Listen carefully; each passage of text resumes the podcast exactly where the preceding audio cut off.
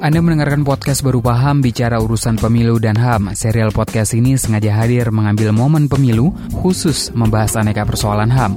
Rangkaian podcast ini akan ditutup dengan peluncuran agenda HAM oleh Amnesty International Indonesia. Agenda HAM berisi pekerjaan rumah prioritas bagi presiden terpilih.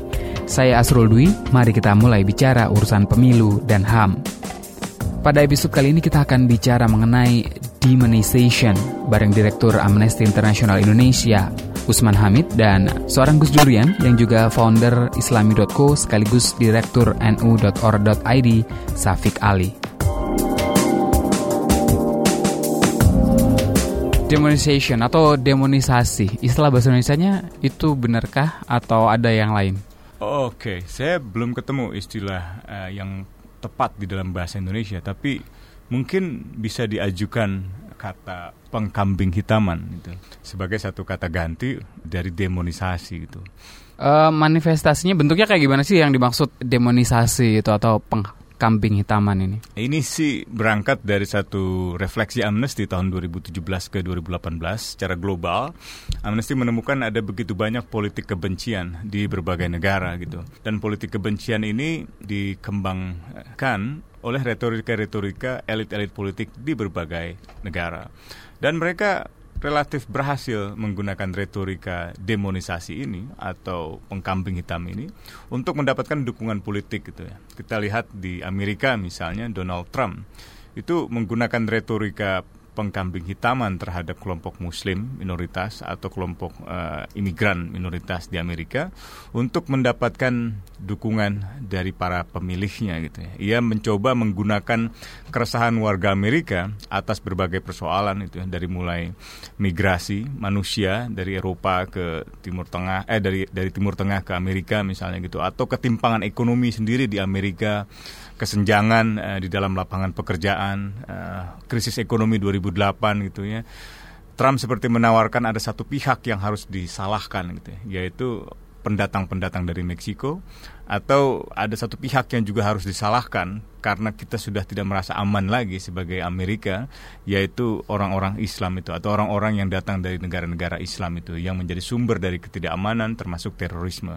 Trump hanya satu contoh kita bisa lihat politik kebencian itu berkembang di Eropa eh, dari mulai Viktor Orban di uh, Hungaria atau ke Asia Pasifik gitu India uh, Narendra Modi yang juga mengembangkan retorika uh, Hindu fasism gitu dengan menyalahkan kelompok minoritas Muslim gitu. Bahkan di Asia Tenggara kita lihat uh, misalnya Min Aung Hlaing gitu, jenderal di Myanmar gitu, yang juga banyak uh, ikut bertanggung jawab atas pengkambing hitaman terhadap kelompok etnis minoritas Muslim Rohingya yang dianggap bukan bagian dari ras-ras uh, otentik nasional dari dari Myanmar gitu. Saya kira Indonesia bukanlah kekecualian gitu. Kita lihat Eh, pada tahun yang sama berkembang pula politik kebencian itu.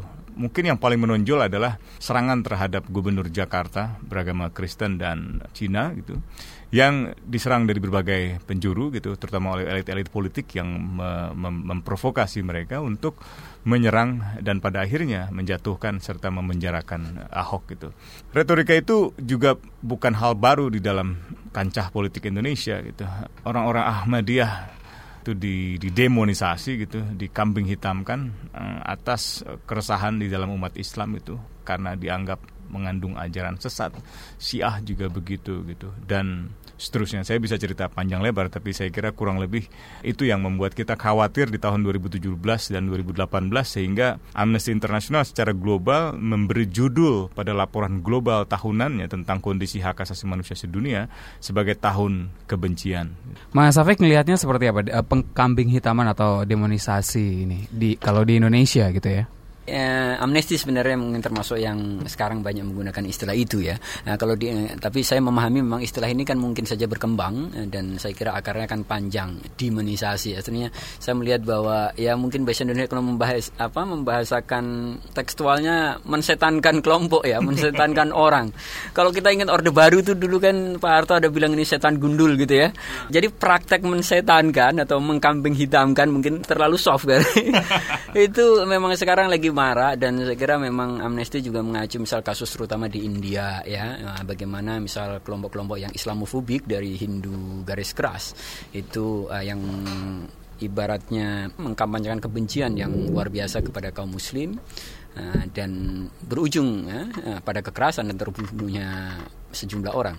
Nah, di Indonesia sendiri kita mungkin menyaksikan ya memang dalam istilah misal ya tadi udah disitir oleh Osman, saya kira misal uh, terhadap kelompok yang sering disebut sesat gitu kan. Mensesatkan itu sebenarnya kan juga demonisasi karena mengandekan bahwa ada yang kubu setan dan dirinya sendiri seolah-olah kubu malaikat. Jadi kayak angel versus demon. Nah ini yang nah, terjadi terhadap kelompok minoritas atau terhadap kelompok yang dianggap uh, sesat atau terhadap kelompok yang dianggap itu menodai. Saya kira mungkin teman-teman apa LGBT juga sering gitu kan disetankan dalam tanda kutip dan seolah-olah nggak nggak punya hak hidup ya dan kayak gitu. Dan atau kelompok-kelompok yang memang dianggap membuat kekacauan ya gitu. Misal teman-teman yang dikriminalisasi karena menentang sesuatu kayak gitu ketidakadilan atau apa itu kan juga terjadi dalam sejarah Indonesia bu, bukan konteks sekarang tapi terutama misal dalam Orde Baru itu banyak sekali. Kalau sekarang ya konteksnya memang terutama pada kelompok-kelompok minoritas menurut saya. Mm-hmm. termasuk mengkafir-kafirkan itu juga nggak sih? Ya mengkafirkan saya kira juga bentuk praktek demonisasi hmm. gitu loh. Karena mengandekan kafir itu kubunya setan gitu kan. Jadi jadi yang mengkafirkan merasa dia dia di kubunya malaikat, dia suci, dia bersih dan kemudian yang dianggap kafir itu kelompok setan yang kotor, yang ahli neraka dan seterusnya. Hmm. Hmm.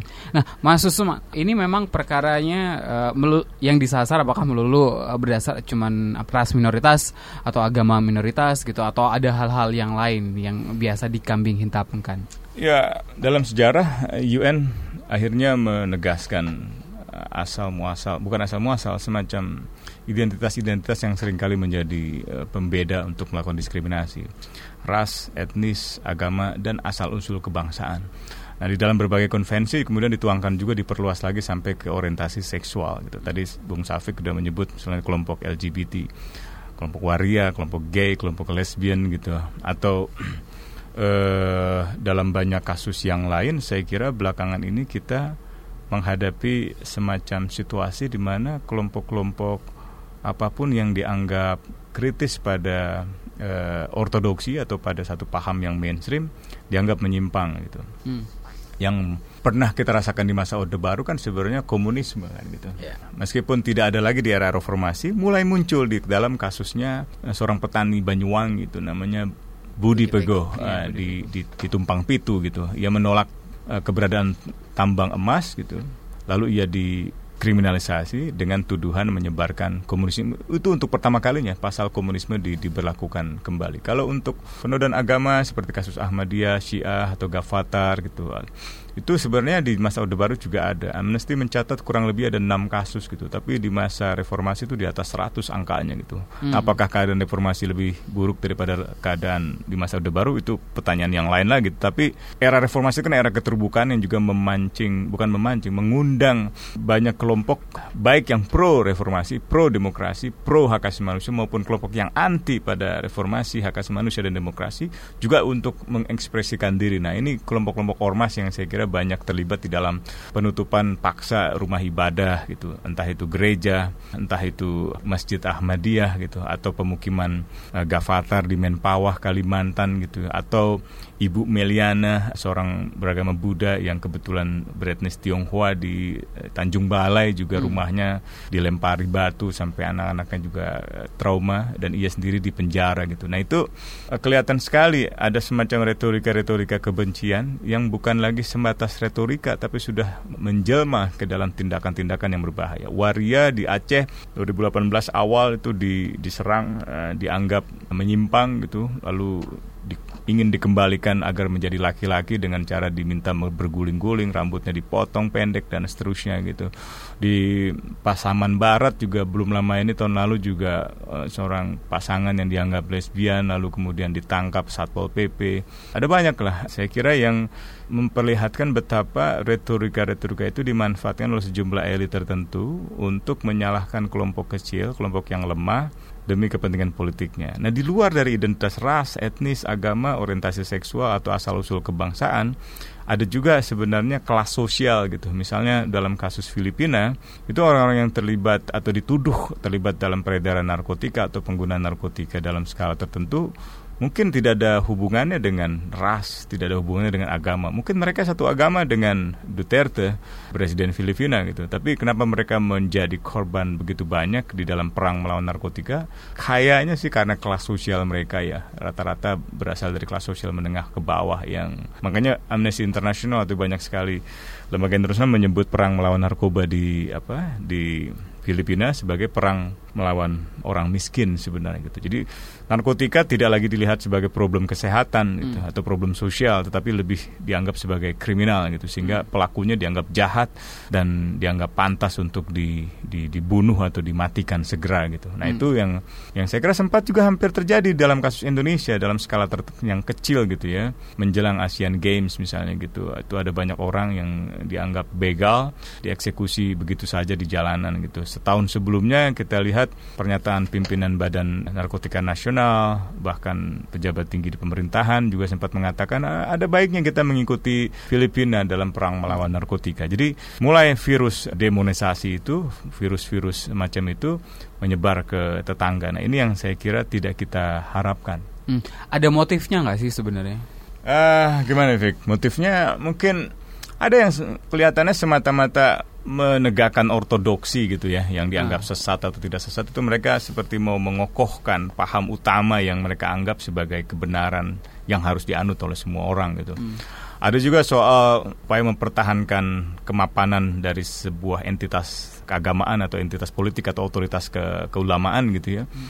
Di dalam kasus semacam itu atau di dalam konteks minoritas seksual saya kira mengokohkan satu ortodoksi dalam hal perbedaan gender dan perbedaan jenis kelamin gitu yang het, yang heteroseksual saja.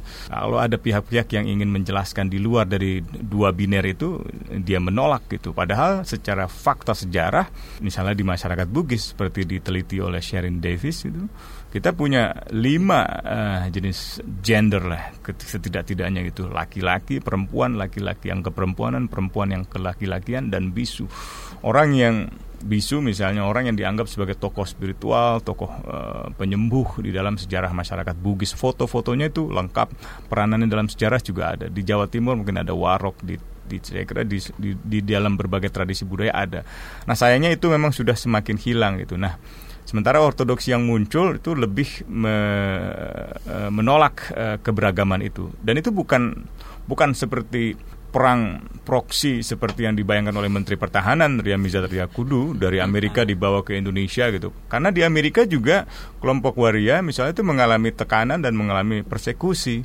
Majalah Time itu mencatat 2017 saja sampai akhir itu sekitar 20 orang waria Amerika itu dibunuh hmm. di Amerika gitu. Anda bisa bayangkan. Pemerintahan Trump itu tahun lalu eh, di 2018 diberitakan oleh majalah Time sedang berusaha untuk mendefinisikan ulang makna gender itu apa gitu. Dan itu arahnya mengeksklusi mengeluarkan transgender di dalam kategori yang biner itu. Dan itu akibatnya bisa sangat fatal. Sama seperti di Aceh saya kira dampaknya bukan hanya mereka diperlakukan secara tidak manusiawi digunduli dan seterusnya, tapi juga pada ekonomi mereka. Ini kan mereka yang 12 orang di Loksukan itu rata-rata petani gitu. Hmm. Nah, mereka mencoba mencoba mencari hidup lebih di di kota gitu, di masih di wilayah Aceh dengan membuka salon kecantikan gitu. Nah, setelah penangkapan-penangkapan semacam itu, apalagi ditambah dengan beberapa penyataan eh, elit setempat, mereka ada yang harus menutup salonnya, ada yang harus pergi ke Medan, ada yang harus ke Jakarta untuk tinggal sementara. Ada juga yang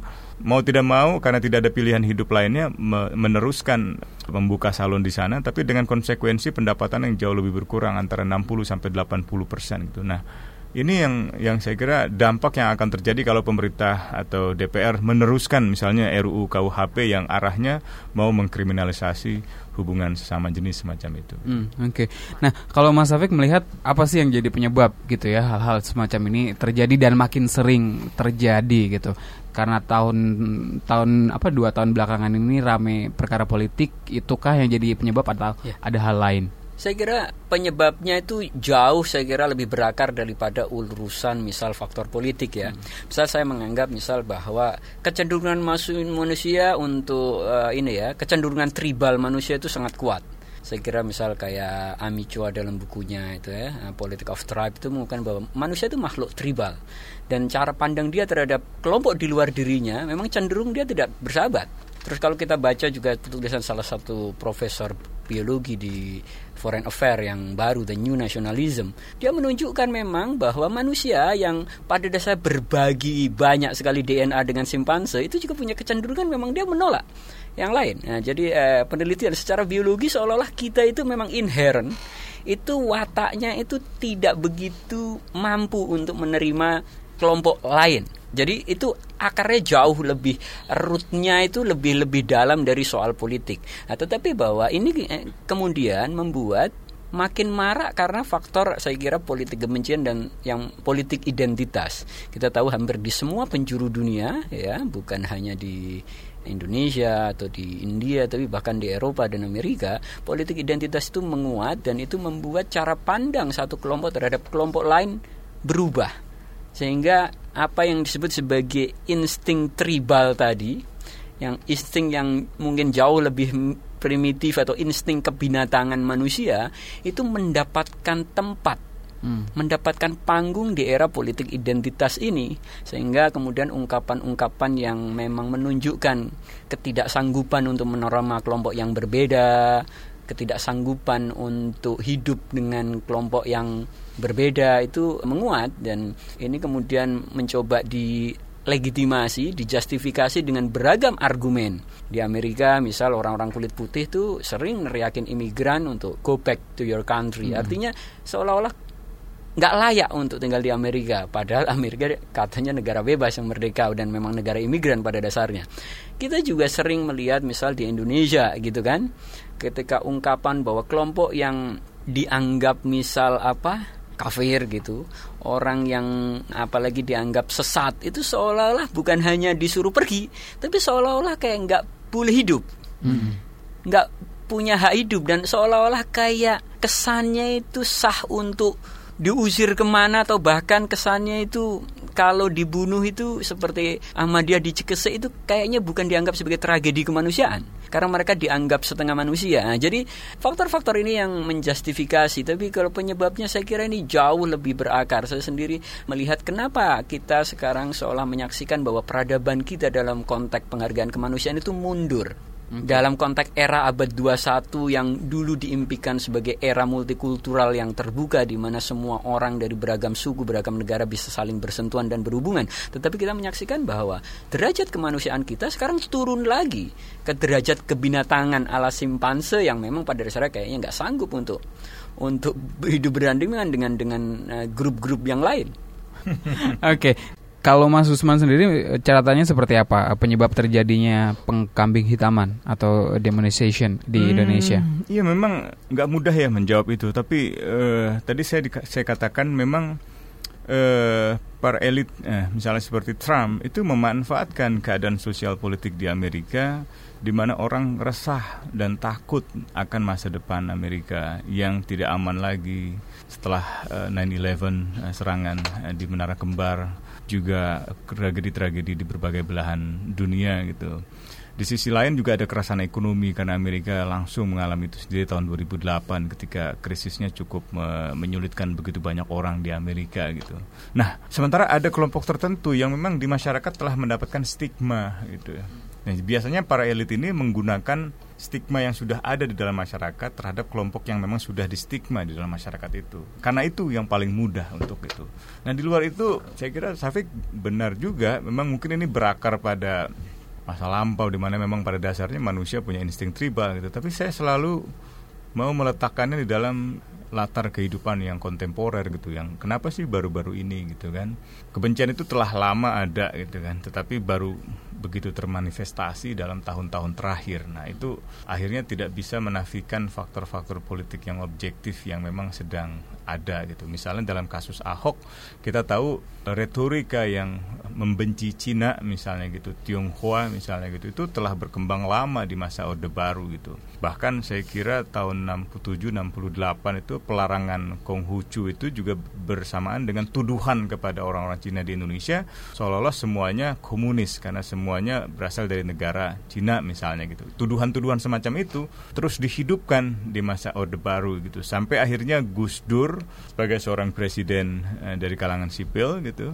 mulai membongkarnya gitu. Membongkarnya dalam pengertian larangan itu dihapuskan. Ia bahkan eh, mendukung ekspresi kebudayaan dari kelompok Tionghoa warga eh, Cina gitu dengan barongsai dengan dengan perayaan-perayaan kebudayaan yang lain gitu. Nah konteks kontemporer itu penting untuk menjelaskan dinamika politik, dinamika sosial antara aktor-aktor yang yang ada itu gitu. Dalam kasus yang tadi saya sebutkan memang rata-rata itu berkaitan dengan perebutan kekuasaan dan bagaimana sebuah kekuasaan itu bertahan dengan menggunakan retorika yang membelah itu. Dia memelihara ancaman gitu. di masa Orde Baru itu ancaman yang dipelihara adalah komunisme itu, PKI itu. Jadi setiap kali ada usaha untuk mendelegitimasi rezim, rezim selalu mengatakan saya ada di sini karena membebaskan negeri ini dari komunisme. Jadi dia melegitimasi ulang apa yang pernah dia gunakan sebagai dasar kehadirannya itu. Nah, semakin dia mempertahankan itu semakin tinggi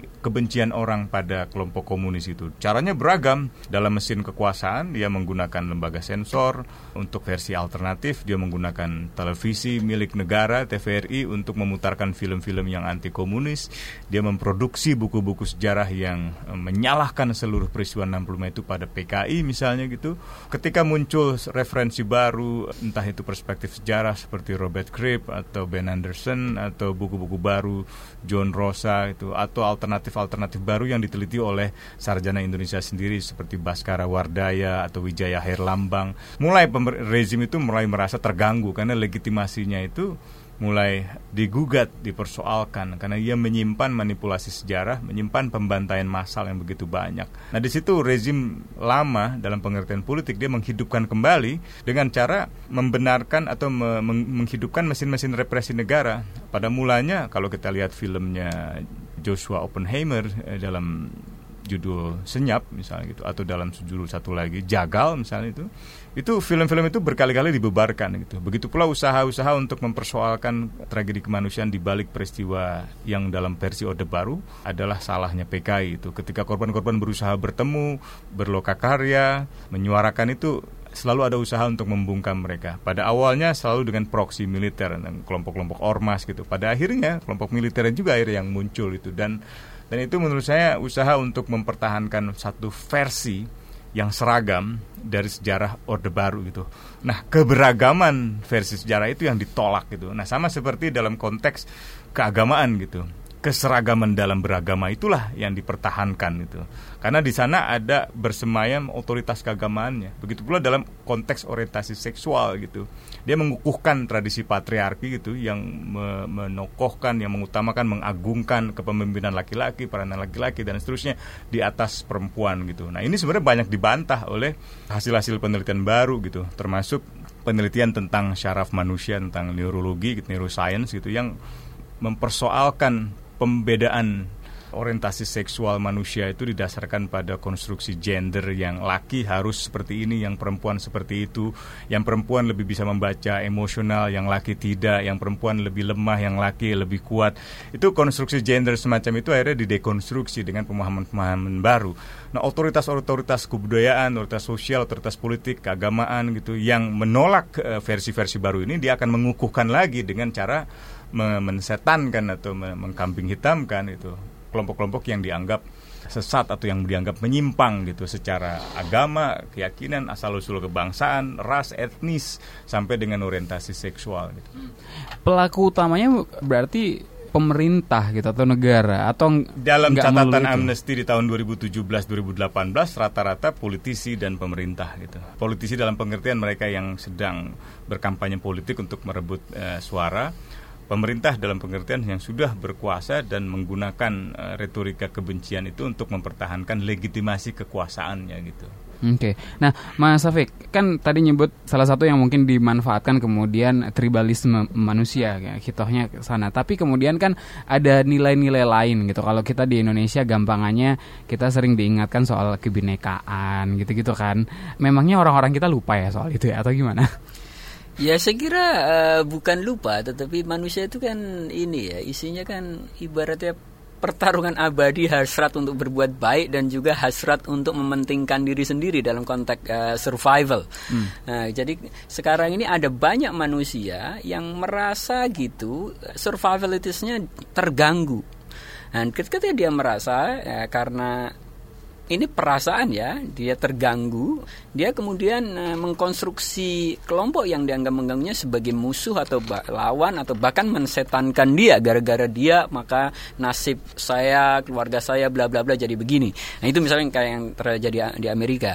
Nah, tetapi bahwa saya kira di Indonesia secara umum ya mayoritas ya orang-orang masih sadar bahwa ya kita ini beragam gitu. Tetapi juga itu saja kesadaran bahwa kita beragam tidak cukup untuk membuat kita mampu berempati atau menghargai keberadaan dan hak hidup kelompok lain kita saksikan sekarang di sosial media itu kalau perdebatan atau komen-komen di berita gitu, kalau terkait misal beda agama, apalagi terkait ya misal beda aliran, apalagi terhadap Syiah atau Ahmadiyah kalau dalam konteks Islam atau misal terhadap LGBT, itu kan udah komen-komennya kan udah kasar banget yang seolah-olah bener-bener ini, ya melampaui inilah kesadaran kemanusiaan tadi. Dalam konteks waktu itu Pilkada DKI Ahok aja kan seluruh retorika kebencian itu kan diumbar, diungkapkan dari yang orang tua bahkan sampai kita dengar cerita anak kecil juga terbawa-bawa. Nah ini yang memang menjadi tantangan bahwa manusia kalau nggak ada sebuah sistem sosial, sistem politik yang baik, dia bisa jatuh lagi ke derajat itu. Eropa tidak pernah membayangkan bahwa Jerman di masa Hitler sanggup melakukan kekejaman sedasat itu dan dianggap banyak sekali orang baik yang diam saja atau mendukung. Jadi banyak sekali dalam sejarah kenapa orang-orang baik dalam tanda kutip ya, orang-orang baik diam terhadap kejahatan. Atau bahkan kenapa orang-orang baik seolah-olah dia menjustifikasi sebuah kekejaman. Dalam sejarah itu banyak terjadi. Kenapa? Karena tadi dia mempersepsikan bahwa korbannya kelompok lain dan korbannya dianggap memang kelompok yang bikin masalah atau kelompok iblis. Nah ini yang berbahaya dan saya kira di Indonesia itu juga juga mulai banyak kan kekuatan-kekuatan kelompok sosial atau bahkan kelompok agama atau juga kelompok politik yang mengkonstruksi bahwa ada kelompok-kelompok yang memang kerjaannya itu mengacaukan atau bikin rusuh atau bikin sesat atau pokoknya membuat dunia kita itu menjadi kotor dan buruk. Nah itu itu yang sedang terjadi sekarang dan tantangannya memang akhirnya ya menurut saya negara hukum. Yang membuat manusia itu naik derajatnya ke level kemanusiaan yaitu negara hukum yang adil yang manusiawi. Dan kita ngomong soal kemanusiaan ini kan sesuatu yang berproses terus dalam sejarah gitu kan. Sekian abad yang lalu namanya perbudakan tidak dipandang sebagai realitas yang tidak manusiawi ya. di Amerika 100 tahun yang lalu masih ada perbudakan Nah, jadi ini proses peradaban yang bagaimana agar peradaban kita maju memang ini butuh pendekatan dalam banyak sektor. Tapi menurut saya bahwa negara hukum yang demokratis gitu, yang adil, yang manusiawi itu penting. Dan itu menurut saya mungkin yang di Indonesia belum terwujud, belum tercipta sehingga makhluk-makhluk tribal yang berdasar sentimen kelompok dan membangun rasa permusuhan terhadap kelompok lain ini masih bisa bergerak dengan leluasa, masih mengungkapkan kebenciannya di sosial media di mana-mana. Nah itu itu yang, yang terjadi sekarang. Bakal sulit nggak sih kalau di Indonesia gitu sampai ngarah ke sana ketika posisinya sekarang masih ya di situ-situ saja gitu kan terus berulang gitu kan kejadian semacam ini. Saya kok percaya bahwa identitas itu di dalam retorika yang eksploitatif itu tidak berdiri sendiri. Ia selalu berbahaya ketika berkelindan dengan distribusi sumber daya gitu. Nah itu sebabnya konteks pemilu menjadi penting karena di situ terjadi pertaruhan untuk merebut kekuasaan demi akses pada sumber daya itu. Saya ambil ilustrasi begini. Kenapa orang begitu membenci atau begitu mudah diarahkan untuk membenci kaum non pribumi misalnya itu.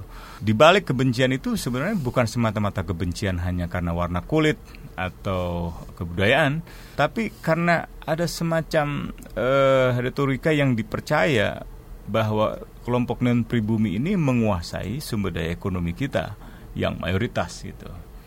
Dengan begitu ia seperti mau menyalahkan dan ia diajak untuk menyalahkan bahwa kelompok tersebut memang harus ya dieksklusi dari kehidupannya gitu.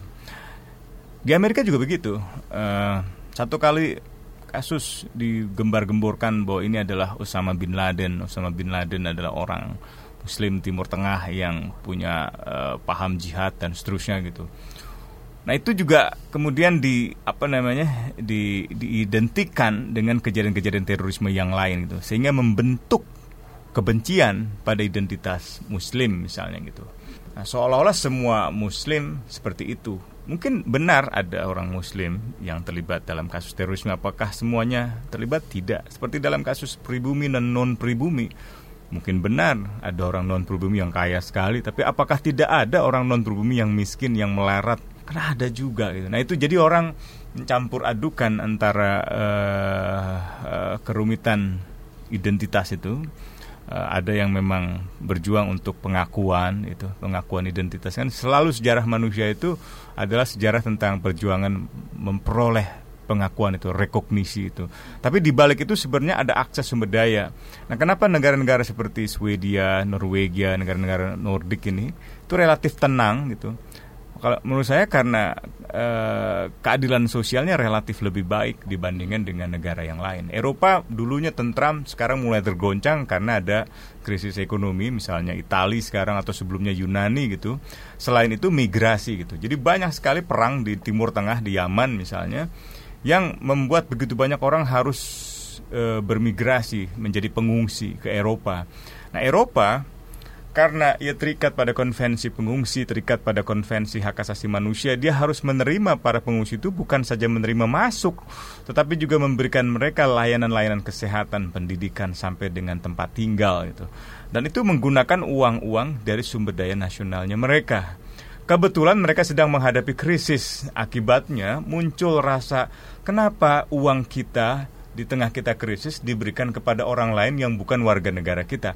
Nah, di situ elit-elit yang setengah bertarung memanfaatkan keresahan orang-orang yang punya pikiran semacam ini untuk dimobilisir ke dalam satu tindakan politik yang mendukung kepemimpinannya misalnya. Itu yang saya kira menjelaskan tidak terpisahnya ada antara politik identitas dan distribusi sumber-sumber daya itu. Contoh dulu di di, di Indonesia di Sampit ya uh, di Sampit itu kan banyak orang pendatang yang kebetulan dari Madura karena secara geografis uh, itu juga dekat tuh kalau di bawah kaki Kalimantan itu menuju ke Sampang itu menuju ke Pulau Jawa yang paling timur itu memang banyak sekali migrasi orang-orang Madura ke Sampit gitu. Nah, mereka tentu bekerja di sana untuk menguasai bukan menguasai, maksudnya bekerja di sektor pelabuhan, ketenaga kerjaan dan seterusnya.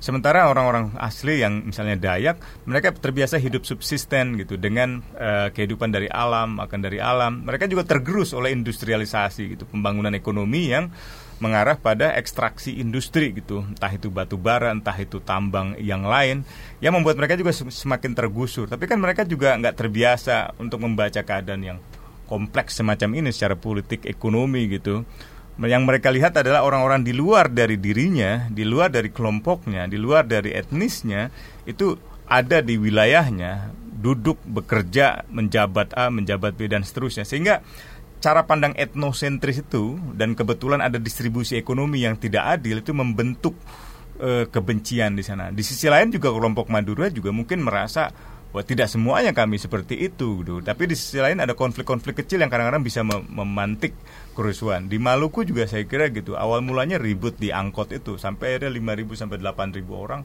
mati. Bagaimana menjelaskan itu? Semata-mata kebencian etnik atau kebencian agama, kebencian ras misalnya. Orang Maluku sudah begitu lama hidup dalam saling berdampingan tiba-tiba meledak begitu gitu. Nah, itu yang memang tidak mudah menemukan jawaban tunggal, tapi saya percaya bahwa politik kebencian itu yang biasanya didasarkan pada kesalahpahaman gitu ya.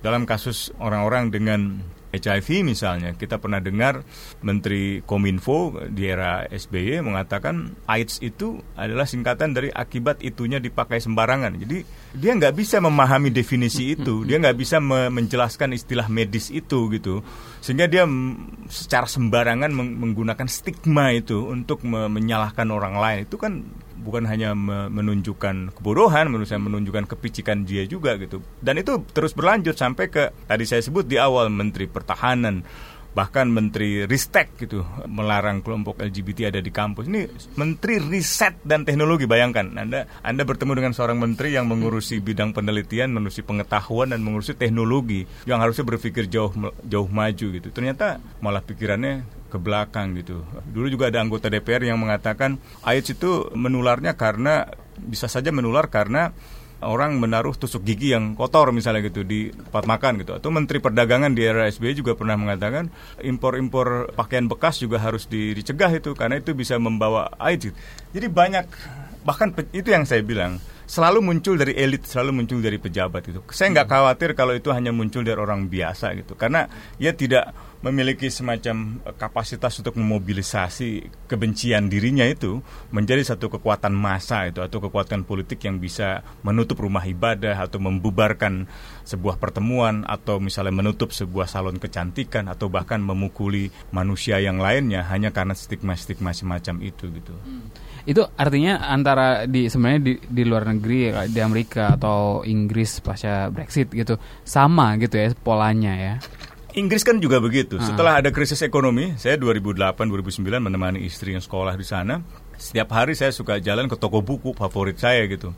Lama-lama kok toko buku ini harganya murah gitu. Sampai saya tunggu di hari tertentu di mana betul-betul akan murah dan toko itu ternyata beneran tutup gitu. Lalu disusul toko-toko yang lain gitu. Saya pernah membeli buku-buku musik itu dari Sex Pistols, Rolling Stone, The Doors itu cuma satu pound misalnya gitu buat teman-teman saya. Gitu. Tapi di situ krisis ekonominya saya rasakan betul langsung gitu dalam kebutuhan hidup saya hari-hari atau kesukaan saya di dalam membaca-baca buku-buku musik gitu. Dan di dalam demonstrasi-demonstrasi di tahun itu 2008 2009 itu itu banyak sekali kelompok-kelompok buruh Inggris itu yang sudah berteriak British job only for British workers gitu. Jadi pekerjaan-pekerjaan di, di di Inggris itu hanya untuk orang-orang buruh Inggris itu. Jadi Inggris yang semula menjadi semacam role model untuk nilai-nilai keterbukaan hak asasi manusia bahwa manusia tidak pandang rasnya, asal usulnya, kebangsaannya, etnisnya, datang dari mana pun kalau di Inggris ya punya hak untuk bekerja gitu. Tiba-tiba menjadi begitu sempit dan itu termanifestasi dalam beberapa tahun kemudian kan Inggris keluar dari Uni Eropa. Uni Eropa men menjadi Uni Eropa itu kan berarti menjadi lebih multikultural, menjadi multi nation gitu dan lebih terbuka menerima perbedaan dan menerima nilai-nilai universal hak asasi manusia. Keluar dari Uni Eropa itu berarti mempersempit nilai, melihat sudut pandang ego diri sendiri, mementingkan diri sendiri gitu, ekonomi sendiri gitu uh, yang akhirnya mengerosi nilai-nilai keterbukaan, uh, nilai-nilai universal itu, nilai-nilai multikultural atau multi kebangsaan itu. Dan saya kira Inggris bukan satu-satunya di Eropa yang sekarang sedang bergerak mundur ke arah sana. Mudah-mudahan sih tidak terus mundur gitu, karena dalam pemilihan di Prancis semula orang khawatir uh, Le Pen misalnya akan berkuasa yang sangat kanan gitu tiba-tiba gagal juga dia berkuasa. Dia ada power struggle yang menurut saya bukan hanya soal identitas tapi juga soal akses pada sumber-sumber daya ekonomi maupun politik. Hmm, oke, okay. nah di awal tadi kan Mas Usman sempat menjelaskan ada beberapa peristiwa gitu uh, eh, LGBT di Aceh uh, dan yang lainnya gitu. Uh, ini kan tahun politik, gitu. ini masih akan terjadi nggak sih hal, hal semacam ini atau bakalan berhenti gitu setelah uh, presiden kepilih gitu, Mas Afik? Saya kira masih akan terjadi. Saya kira tren ini masih akan terjadi beberapa tahun ke depan saya menyaksikan ini ya kayak ya tren dunianya hmm. ke arah sana. Jadi hmm. hampir di semua benua kita menyaksikan bahwa tren di mana orang tuh menunjukkan ketidaksukaan terhadap kelompok lain dengan alasan apa pun. Di Amerika terutama ras gitu kan, di Eropa ya soal imigran gitu kan. Warna di, kulit. Warna kulit di India soal agama kan, di Myanmar di sini juga terkait warna kulit dan agama juga kan sentimen terhadap uh, teman-teman Tionghoa dan sentimen terhadap uh, misal apa Ahmadiyah, Syiah, aliran penistaan keagamaan atau non muslim. Jadi ini masih akan terjadi saya kira. Saya kira uh, siapa pun presidennya, saya kira ini masih akan terjadi karena memang kita menyaksikan sekali di level grassroots di wilayah sosial kita menyaksikan bahwa kampanye-kampanye kebencian itu masih marak di sosial media kita mudah sekali juga menemukan ungkapan-ungkapan kebencian ya hate speech atau hate spin ya pelintiran kebencian itu yang memang mengarah pada upaya untuk mempersekusi orang atau mempersekusi kelompok. Mengapa kita perlu khawatir gitu kalau itu terus terjadi? Ya tentu kita khawatir karena kemanusiaan terancam. Bahwa dalam hidup manusia itu kan buat saya bahwa nyawa orang itu uh, nilai yang paling tinggi dan pembunuhan itu kejahatan tertinggi. Nah, kalau pembunuhan yang tersistematis atau pembunuhan massal genosida yaitu kejahatan yang lebih berlipat-lipat lagi. Dan hal-hal seperti ini bisa mengarah pada pembunuhan dalam skala massal walaupun mungkin kita tidak membayangkannya seperti genosida zaman dulu tetapi bahwa kekerasan eh, dalam jumlah yang tidak sedikit bisa terjadi di India ya udah ada 40-an muslim yang meninggal dari apa tindakan kekerasan kelompok-kelompok yang berusaha melindungi ini apa sapi karena sapi dianggap hmm. uh, suci sakral. di agama Israel sakral dan kemudian muslim yang tetap memperdagangkan sapi atau menjembeli sapi itu dipandang sebagai inilah pokoknya benar-benar ini setan yang memang harus di ini. Jadi ya di India itu udah udah kekerasan. Saya kira di Myanmar juga kan uh, bagaimana Rohingya yang dianggap bukan warga negara dianggap yang nggak punya hak hidup di sana dipersekusi dan ratusan ribu atau jutaan eh, keluar dan banyak juga yang meninggal. Jadi kita perlu sangat khawatir karena kita juga punya sejarah dengan itu. Kita punya sejarah bagaimana 65 66 di mana banyak orang tidak berdosa menjadi korban. Kita punya sejarah dengan Ambon, kita punya sejarah dengan Dayak Madura dan kita punya sejarah dalam skala yang lebih kecil dengan Ahmadiyah yang juga dibunuh tanpa tahu kesalahannya apa. Jadi kita perlu khawatir bahkan satu nyawa manusia pun kalau itu akan jadi korban kita perlu khawatir. Nah, Mas Usman, ini kira-kira dampaknya apa sih buat atau implikasinya gitu ya buat gerakan HAM dan kehidupan kita sehari-hari dalam bermasyarakat mungkin? Ya, sangat serius karena kualitas kebebasan, demokrasi, hak asasi manusia akhirnya terus bisa mengarah menurun gitu. Dan lebih parah lagi negara bisa saja bertemu dengan kelompok-kelompok non negara yang ikut di dalam mengorkestrasikan kekerasan itu. Nah, ini bukan tidak pernah terjadi, itu terjadi beberapa kali gitu di mana kelompok ormas gitu bersama dengan aparatur negara melakukan tindakan eh, penggerbegan atau penutupan rumah ibadah gitu atau eh, penganiayaan terhadap warga yang hanya di, karena dianggap berbeda gitu. Padahal dasar-dasar hukumnya tidak ada. Contoh yang tadi saya sudah sebut misalnya Miliana, itu kan Oktober 2016 Kapolda, Wakapolda mengatakan tidak ada tindakan kriminal yang dilakukan oleh Ibu Meliana. Tindakannya sendiri memprotes volume suara masjid yang ada di lokasi rum dekat rumahnya hanya berjarak 6 meter. Itu bukanlah tindakan kriminal. Desember Ormas bergerak memobilisasi massa, meminta fatwa dari MUI setempat untuk mengatakan tindakan Bu Miliana menghina Islam, menghina masjid. Keluarlah itu. Akhirnya ia dikriminalisasi. Jadi eh, tekanan massa eh, berdasarkan kebencian karena ia Cina, karena ia Buddha itu lebih mengendalikan proses hukum ketimbang eh, fakta-fakta uh, hukum apakah tindakan itu merupakan tindakan kriminal atau tidak. Januari 2012 itu fatwa MUI setempat di Sampang, uh, Jawa Timur itu mengatakan Ustadz Tejul Muluk itu melakukan ajaran-ajaran yang menyimpang. Maret ia ditetapkan sebagai tersangka, padahal sebelumnya pihak kepolisian kesulitan untuk menetapkannya sebagai tersangka. Yang terlihat di kepolisian justru mau menempatkan Tajul Muluk sebagai korban karena uh, ia di dipersekusi pengikutnya juga dan rumah-rumah pengikutnya juga dibakar sehingga mereka ter uh, terpaksa mengungsi ke ke tempat pengungsian gitu. Begitu pula di Manislor gitu rumah ibadah, rumah masjidnya ditutup dan seterusnya saya nggak bisa sebutkan satu persatu. Tapi pada intinya itu sangat berbahaya untuk kondisi hak asasi manusia. Saya pernah merasakan itu dalam kehidupan yang terdekat. Ketika saya pulang kampung, tetangga saya hanya berjarak 5 meter. Namanya Pak Abdul Syukur, kebetulan ia penganut Ahmadiyah. Ya seusia orang ayah saya. Ayah saya itu kelahiran tahun 16, 1916. Nah, ketika ayah saya masih hidup dan sampai ia meninggal, Pak Abdul Syukur ini adalah orang yang termasuk yang paling dekat dan paling berjasa dalam membantu termasuk mempersiapkan makam ayah saya. Kebetulan posturnya itu lebih, sama tingginya dengan ayah saya sehingga ia membantu mengukur liang lahat itu untuk mempersiapkan makam ayah saya. Tiba-tiba 2005 atau 2000 berapa itu keluar fatwa MUI bahwa Ahmadiyah itu sesat. Itu beberapa warga itu mengucilkan dirinya gitu. Termasuk ada beberapa uak saya yang mengucilkan dia. Saya persoalkan, kenapa uak kok tiba-tiba jadi membenci Pak Syukur, Mbak Hukung namanya gitu. Gitu Cep, karena fatwa MUI oh, begitu. Dia kan sesat begini. Loh, saya bilang bertahun-tahun dalam usia hidup saya, saya nggak pernah melihat Pak Syukur itu melakukan kejahatan pada keluarga kami. Yang saya ingat adalah jasa-jasanya kepada keluarga kami, keluarga kita, pada almarhum dan seterusnya gitu. Kenapa hanya karena MUI yang kita kenal aja enggak, lalu fatwanya kita rujuk hanya untuk membenci dia? Apa gunanya? Wah wah saya tuh mikir lama gitu kan. Sampai akhirnya pokoknya setiap saya pulang kampung Pak Syukur itu saya bah ayo main makan.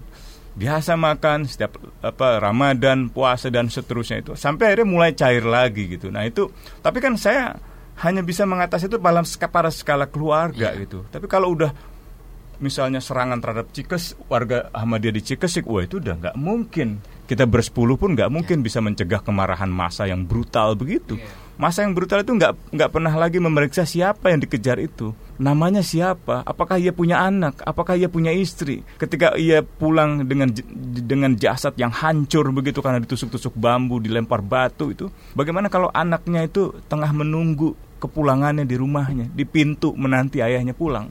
Apa rasanya itu? Nah, menurut saya orang-orang itu nggak berpikir itu karena terselubung oleh dogma-dogma itu. Silakan MUI bikin fatwa, tapi MUI harus ingat bahwa MUI berada di negeri dengan konstitusi yang memperlakukan setiap warga itu sama derajatnya, sama haknya. Di dalam Islam itu manusia itu di, harus dipersamakan derajatnya itu. Tidak lagi dibedakan apakah dia Arab, Cina, Amerika atau bukan atau hitam, coklat dan seterusnya.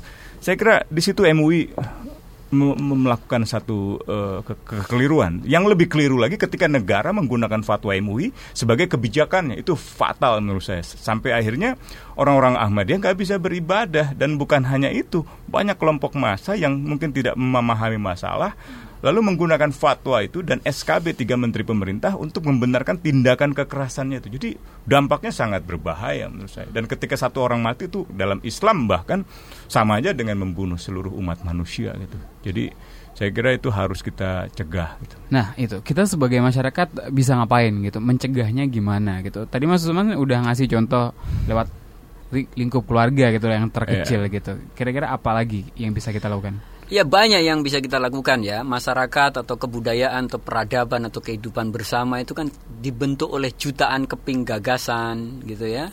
Oleh jutaan keping ide, kebiasaan gitu kan Dari keluarga nyampe sekolah. Dan juga dibentuk oleh institusi atau sistem. Jadi ada institusi atau struktur dan ada superstruktur value Nilai-nilai. Nah, jadi kita bisa memperjuangkan satu, kita harus memperjuangkan sebuah struktur atau institusi atau sistem yang menjamin agar kemanusiaan itu dihargai. Kemanusiaan itu dijamin agar nyawa manusia itu dijamin, dilindungi. Jadi kita harus memperjuangkan agar ada sistem politik, sistem hukum, semua yang melindungi manusia. Dan sebenarnya komitmen negara bangsa sebagai sebuah struktur sosial, organisasi sosial, organisasi politik itu kan itu. Secara undang-undang mungkin kita sudah punya, tetapi kan dalam prakteknya itu dipengaruhi oleh institusi-institusi yang ada di dalamnya, kepolisian, apakah firm atau enggak, apakah polisinya memang mengabdi benar-benar pada hukum yang kewajiban pertamanya adalah melindungi atau dia kalah oleh will of the masses ya, kehendak massa. Karena sering yang terjadi bahwa orang harusnya dilindungi dalam konteks cikesik polisinya ada. Dalam banyak kasus yang lain kekerasan-kekerasan juga polisi ada, tetapi dia kayak kalah sama kehendak masa, kalah oleh suara masa. Tadi misal Usman menyebutkan ketika MUI mengeluarkan fakta sesat terhadap beberapa kelompok gitu dalam beberapa aliran, itu seolah-olah polisi kehilangan kepercayaan diri untuk melindungi warga yang dianggap sesat. Nah, ini kan problem. Artinya kita harus terus memperjuangkan sebuah institusi struktur yang melindungi warga siapa pun dia gitu kan. Yang kedua adalah kita harus memperjuangkan superstruktur yang memang itu ibaratnya mendukung terwujudnya kemanusiaan. Jadi value nilai-nilai. Nah, karena ini juga yang sekarang tampak mundur.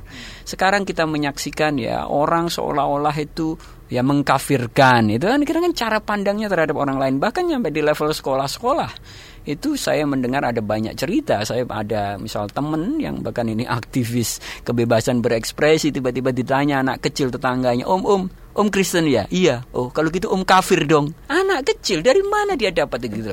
Seperti ini ya. Jadi memang sejak pilkada DKI trojan ini ibarat trojan kebencian yang anti kemanusiaan ini udah udah menginfeksi banyak sekali kepala dan memang pikiran kita juga berasal dari jutaan keping partikel gagasan ide nilai. Dan menurut saya kita bisa melakukan banyak hal itu selalu menyadarkan bahwa kita sebagai manusia itu memang bisa jatuh dalam derajat kebinatangan. Nah, ini yang salah binatang lagi. Tapi bahwa kita sebagai manusia bisa jatuh dalam derajat kebinatangan. Saya mungkin bisa jatuh tapi dengan menyadari itu itu membuat kita mungkin tidak mudah jatuh Yeah. Gitu. Karena kita lebih hati-hati terhadap diri kita. Kita punya nurani, tapi kita juga punya interest-interest dan kita mungkin punya insting-insting yang yang juga tidak baik ya. Itu satu. Jadi menyadari itu. Yang kedua kita memang harus menanamkan dari sistem pendidikan dari awal ketika kita menyaksikan politik identitas menguat dan politik identitasnya mengarah pada menguatnya sentimen kebencian terhadap kelompok yang lain, kita harus melakukan langkah dalam konteks pendidikan kita. Itu pendidikan mulai di sekolah, di madrasah, di keluarga, di apa pun. Kita harus harus menekankan benar pentingnya kemampuan menghargai manusia sebagai manusia. Karena apa? Karena dunia ini makin multikultural kita nggak bisa lagi hidup dengan tetangga yang agamanya sama, yang warna kulitnya sama, yang asal kampungnya sama itu udah nggak bisa lagi di era abad 21 ini di Indonesia yang seperti sekarang. Kita akan hidup dalam era yang multikultural dan generasi di belakang kita saya kira juga akan makin multikultural ketika nanti generasi ini tidak dibekali dengan kemampuan untuk hidup di tengah keragaman di era multikulturalisme dia akan defensif sekali. Dia akan defensif sekali dan ketika dia merasa terancam dia akan memandang kelompok lain sebagai kekuatan yang mengancam dan ya dia mungkin bisa mensetankan kelompok lain sebagai sumber masalah dari hidupnya. Jadi ada banyak. Jadi kita memperjuangkan struktur tapi juga superstruktur dan banyak hal yang bisa dilakukan sekecil apa pun. Saya sering mengatakan teman-teman di sosial media misal, hal yang paling simpel adalah bikinlah quote-quote yang selalu menghidupkan rasa kemanusiaan kita bikinlah quote-quote mulai dari orang lain atau kalimat sendiri atau kutipan kitab suci atau apa pun ya di Instagram bisa diposting di Facebook di Instagram yang paling simple meminjam pikiran orang yang membuat bahwa kemanusiaan tuh masih hidup gitu loh. Di saat kita seakan-akan sekarang meragukan apakah manusia itu mampu memenuhi takdir manusiawinya atau dia akan jatuh seperti spesies yang lain. Karena kita sudah menyaksikan kekejaman terbesar yang melakukan manusia bukan binatang. Jadi kita bisa jatuh ke situ. Atau kalau ya saya sering kalau ngomong sama teman-teman pesantren saya ingatkan. Kita itu ingat gitu loh bahwa manusia bisa jatuh dalam apa mm, kejahatan itu karena apa? Sejak awal manusia diciptakan gitu kan malaikat itu protes gitu. Protes sama Tuhan. Qalu ataj'alu fiha mayufsitu fiha wasfiku dima kan gitu. Tuhan kenapa engkau menciptakan makhluk yang akan bikin kerusakan dan mengalirkan darah?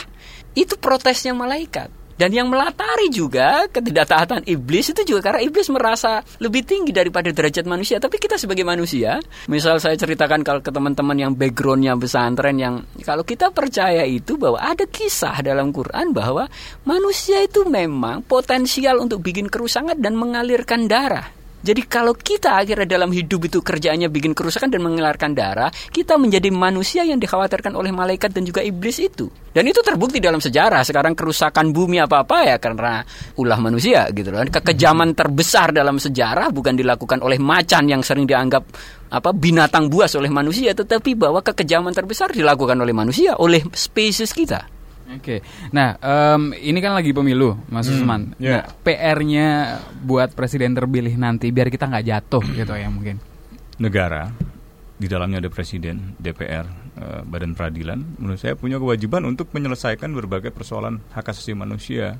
Karena persoalan hak asasi manusia yang sering-sering disebut sebagai pelanggaran HAM yang berat itu, ya bukan hanya bisa memberikan keadilan untuk mereka yang kehilangan keluarga uh, karena diculik, karena dihilangkan, dibunuh, disiksa dan seterusnya, tetapi juga ia bisa membawa satu momen pencerahan Saya ambil contoh ketika Pak Jokowi memulai usaha untuk menyelidiki peristiwa 65 dengan simposium 1965 di Arya Duta sampai dengan rencana mengeluarkan perpres untuk mencabut segala bentuk kepres yang mendiskriminasi orang-orang yang dianggap PKI di masa Orde Baru.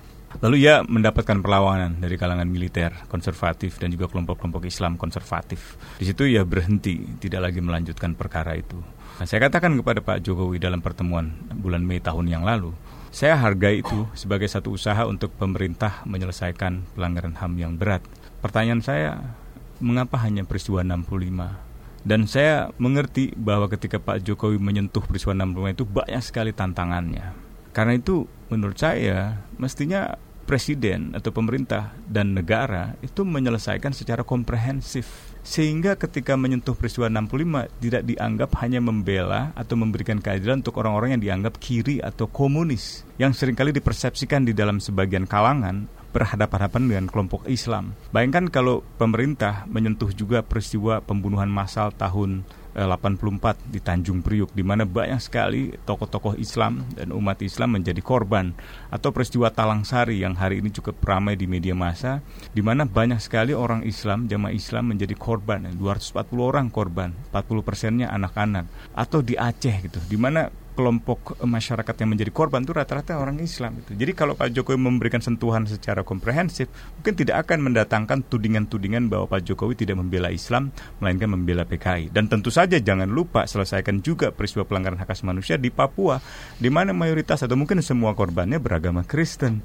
gitu. Begitu pula peristiwa Mei kerusuhan 98 di mana banyak warga Islam yang anak-anaknya terjebak dalam mal-mal itu dan terbakar gitu.